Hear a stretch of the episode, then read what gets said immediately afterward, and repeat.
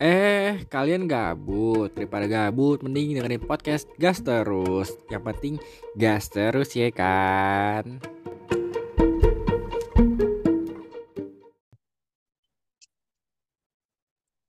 Halo teman-teman semua, di mana pun kalian berada, gue harap kalian kabarnya baik-baik aja ya.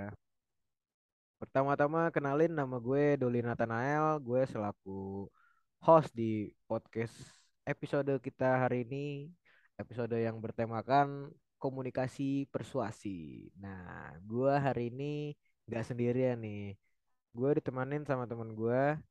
Coba teman gue nongol. Halo guys, kenalin nama gue Sadam yang bakalan nemenin Doli untuk jadi partner host di episode kali ini nih. Nah, ini kita menarik banget sih, Dol. Kita bakal bahas tentang komunikasi persuasi ya, Dol ya. Betul banget, Dam. Ini menarik banget emang. Nah, tapi Dol, kalau boleh tahu, komunikasi persuasi itu kan banyak ya, Dol, isinya. Emang yang mau Ah. kita bahas dari komunikasi persuasi itu apanya sih, Dol? Yang mau kita bahas ini ada salah satu teknik dalam komunikasi persuasi yang namanya foot in the door. Wah, itu dah. Waduh, foot in the door, Dol. Heeh. Berarti kaki gue di, di pintu dong, Dol. Betul, kaki lu kejepit di pintu gitu. Waduh.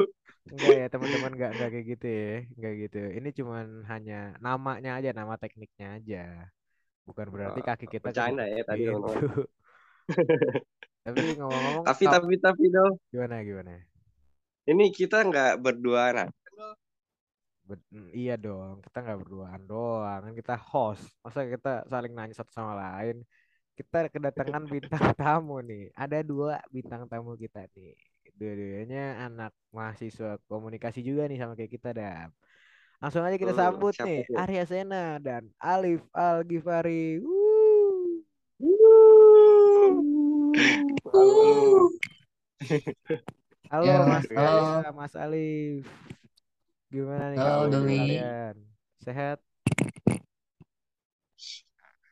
Eh, Gimana ya? Sen, sehat nggak Sen?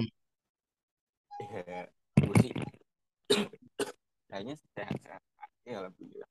Tapi lagi ada batuk-batuk ya. Ah, iya nih, gue lagi kurang enak badan atau kurang fit lah. Sama sih emang lagi musimnya aja nih lagi kurang ini lagi musim pancaroba nih sekarang ya atau lagi apa sih ini? Gak tau lagi hujan terus kan. Iya, kadang hujan terus, kadang panas terus. Emang teman-teman gue juga banyak yang sakit. Gue juga kemarin habis sakit, cuman sekarang alhamdulillah udah enak lah, udah mulai fit lagi. Nah, coba dong kalian perkenalan dulu nih. Kalian belum kenalin diri kalian nih. Eh, gue Arya Sena, gue dari eh gue mahasiswa dari prodi ilmu komunikasi angkatan 2021 nih.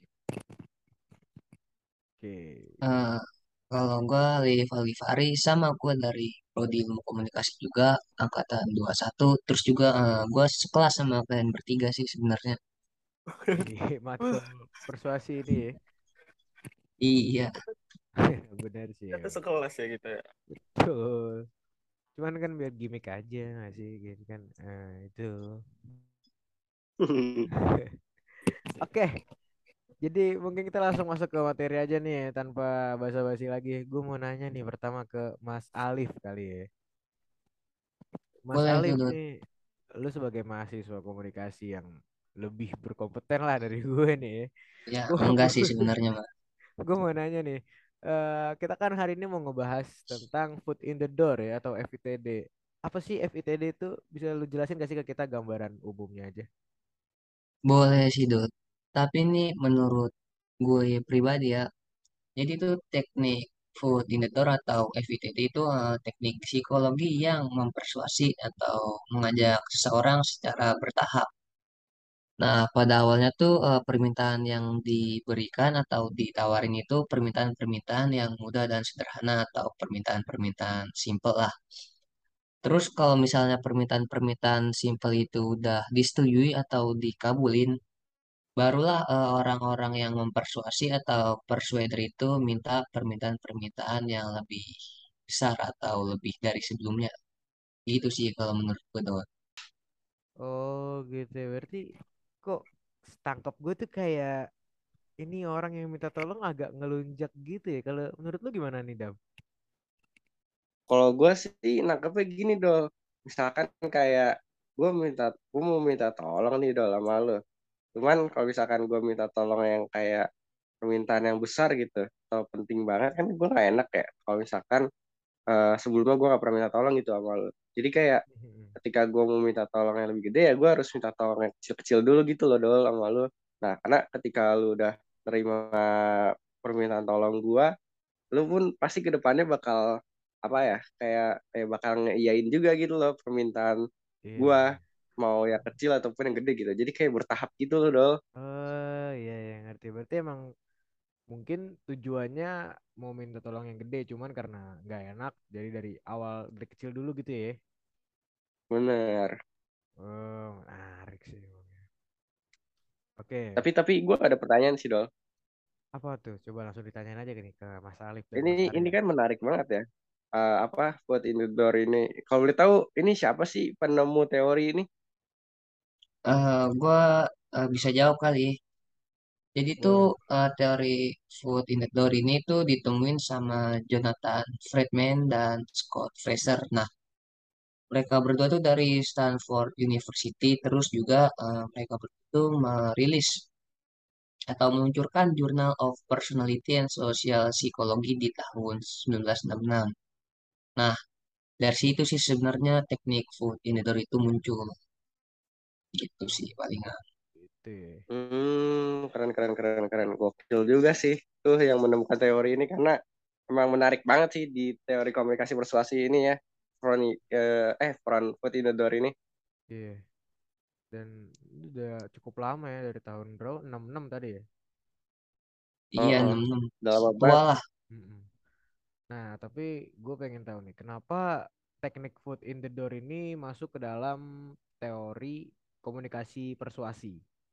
Nah, kalau dari gue ya, kenapa dia masuk teori komunikasi persuasi karena yang eh, boleh ditarik dulu ke belakang kayak persuasi itu sendiri kan eh, ada usaha mempengaruhi orang lain lah. Nah, si FITD ini kan dia minta dari yang kecil dulu terus yang gede kan. Jadi kayak ya berusaha inilah mempengaruhi biar orangnya mau nih selanjutnya. Jadi ya itu sih kenapa masuk dalam teori komunikasi persuasi karena ya ada inilah usaha buat mempengaruhi orang lain itu. Oh iya.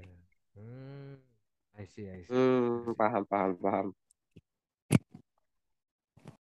Ya, tapi emang benar juga sih kan eh, dari yang tadi eh, Alif jelasin kan kayak eh, persuadernya ini mempersuasi persuadinya biar dia mau apa ya menolong lah eh, Iya, buat menerima permintaan dari si persuadernya itu sendiri Persu- dari hal Heeh, kecil. tuh. Oke, kalau dari gua ada pertanyaan lagi sih. Apaan tuh? Ah, gue pengen nanya nih. Gue sempet baca-baca juga sih tadi tentang eh, door ini, cuman masih agak kurang paham.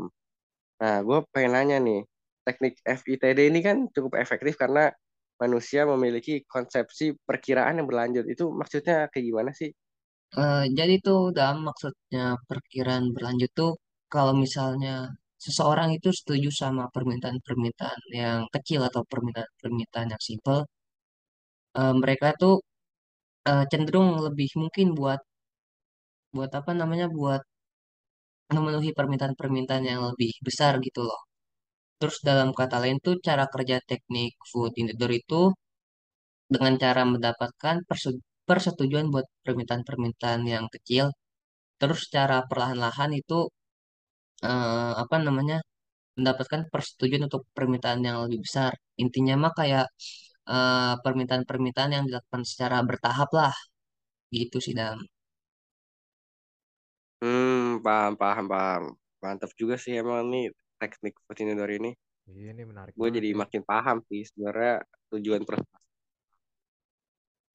Ah, ah, asli, asli.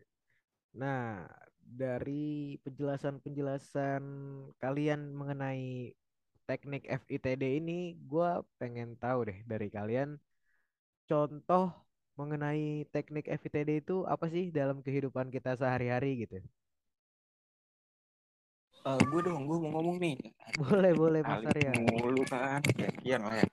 Eh, contoh ya, mungkin kalau yang sering gue temuin tuh kayak eh, sales mungkin ya, kayak misalnya eh Kak, boleh minta waktunya sebentar nggak? Gitu. Karena kita ngerasa Oh iya iya. waktu kita kosong nih, oke lah kita bolehin karena ya cuma sebentar paling lima menit kan. Iya Nah iya. setelah itu berlanjut nih dia ngobrol-ngobrol terus kayak kita dinawarin kayak eh kak mau ini nggak daftar ini segala macam atau enggak kalau isi data dirinya dulu enggak eh di data dirinya dulu deh atau terus minta nomornya biar kalau tertarik nanti eh, gampang menghubunginya ya terus kita isi lah nah itu kan karena awalnya kan dari permintaan kecil dia kan dari Mm-mm, kayak mm-mm. minta waktunya sebentar akhirnya jadi Lama-lama. malah beli atau join gitu kan nah itu dia sih iya iya. Berarti teknik FITD ini sering banget ya kita temuin di kehidupan sehari-hari karena gue nggak nggak jarang juga tuh kalau lagi ke mall didatengin sama sales ya kan. Minta waktu sebentar dong gini gini gini. Lama-lama kok nggak sebentar nih waktunya ya. Gitu. Ya Kalau boleh tahu lu didatengin sales apaan tuh, Dol? gue waktu itu datengin sales ini ada Vivo HP Vivo. Tuh gue lagi pengen Oh. beli HP ini kan Xiaomi. Datengin sama Vivo tapi lama-lama gue kebeli juga tuh Vivo tuh gak tahu gimana tuh. Dia kayak Uchiha deh dia punya genjutsu tuh. Keren ya. Ada persuasifnya gitu. Mantap, mantap, mantap. eh, gua Tapi kira dari- lu mau beli ah. Mau beli apa? Gue potong dong cut lagi ya. Gak apa-apa gak apa-apa ya. Eh ya gue kira lu ditawarin beli Vivo dia mau beli Xiaomi akhirnya lu beli bensin nah aduh ternyata Ya. enggak beli apa Vivo salah eh, salah eh. bukan Salah, bukan Vivo salah, eh. bensin oh Vivo salah salah sorry sorry sorry salah Tapi dari pembahasan kita kali ini, gue jadi paham banget sih tentang teknik foot in the door ini dalam komunikasi persuasi. Lu gimana, Dol? Iya nih gue benar-benar dapat insight baru sih dari obrolan kita pada hari ini ya. Khususnya di episode yang membahas tentang FITD ini yang termasuk dalam teori komunikasi persuasi ini. Benar-benar gue oh FITD tuh berarti sering banget kita temuin di kehidupan kita gitu. Bener banget, Dol. Cuman kayaknya kita nggak bisa berlama-lama lagi nih bersama teman-teman kita nih, bersama Mas Arya dan Mas Alif, karena kayaknya pembahasan kita udah cukup ya tentang foot in the door di episode kali ini, Dol. benar-benar nih udah nggak kerasa ya udah beberapa menit nih kita nemenin teman-teman yang ada di mana pun kalian berada untuk ngobrol-ngobrol bareng sama Mas Arya dan Mas Alif Oke, bener banget. Oke, mungkin cukup dari kita, dari gua, Sadam, dan Doli sebagai host pada episode kali ini. Yuk, Makasih udah dengerin podcast dan jangan lupa untuk stay tune terus di Gas Terus Podcast ya teman-teman. Yoi. Jangan lupa dengerin episode kita selanjutnya. Terima kasih. Terima kasih, thank you dadah. You, thank semuanya. Thanks.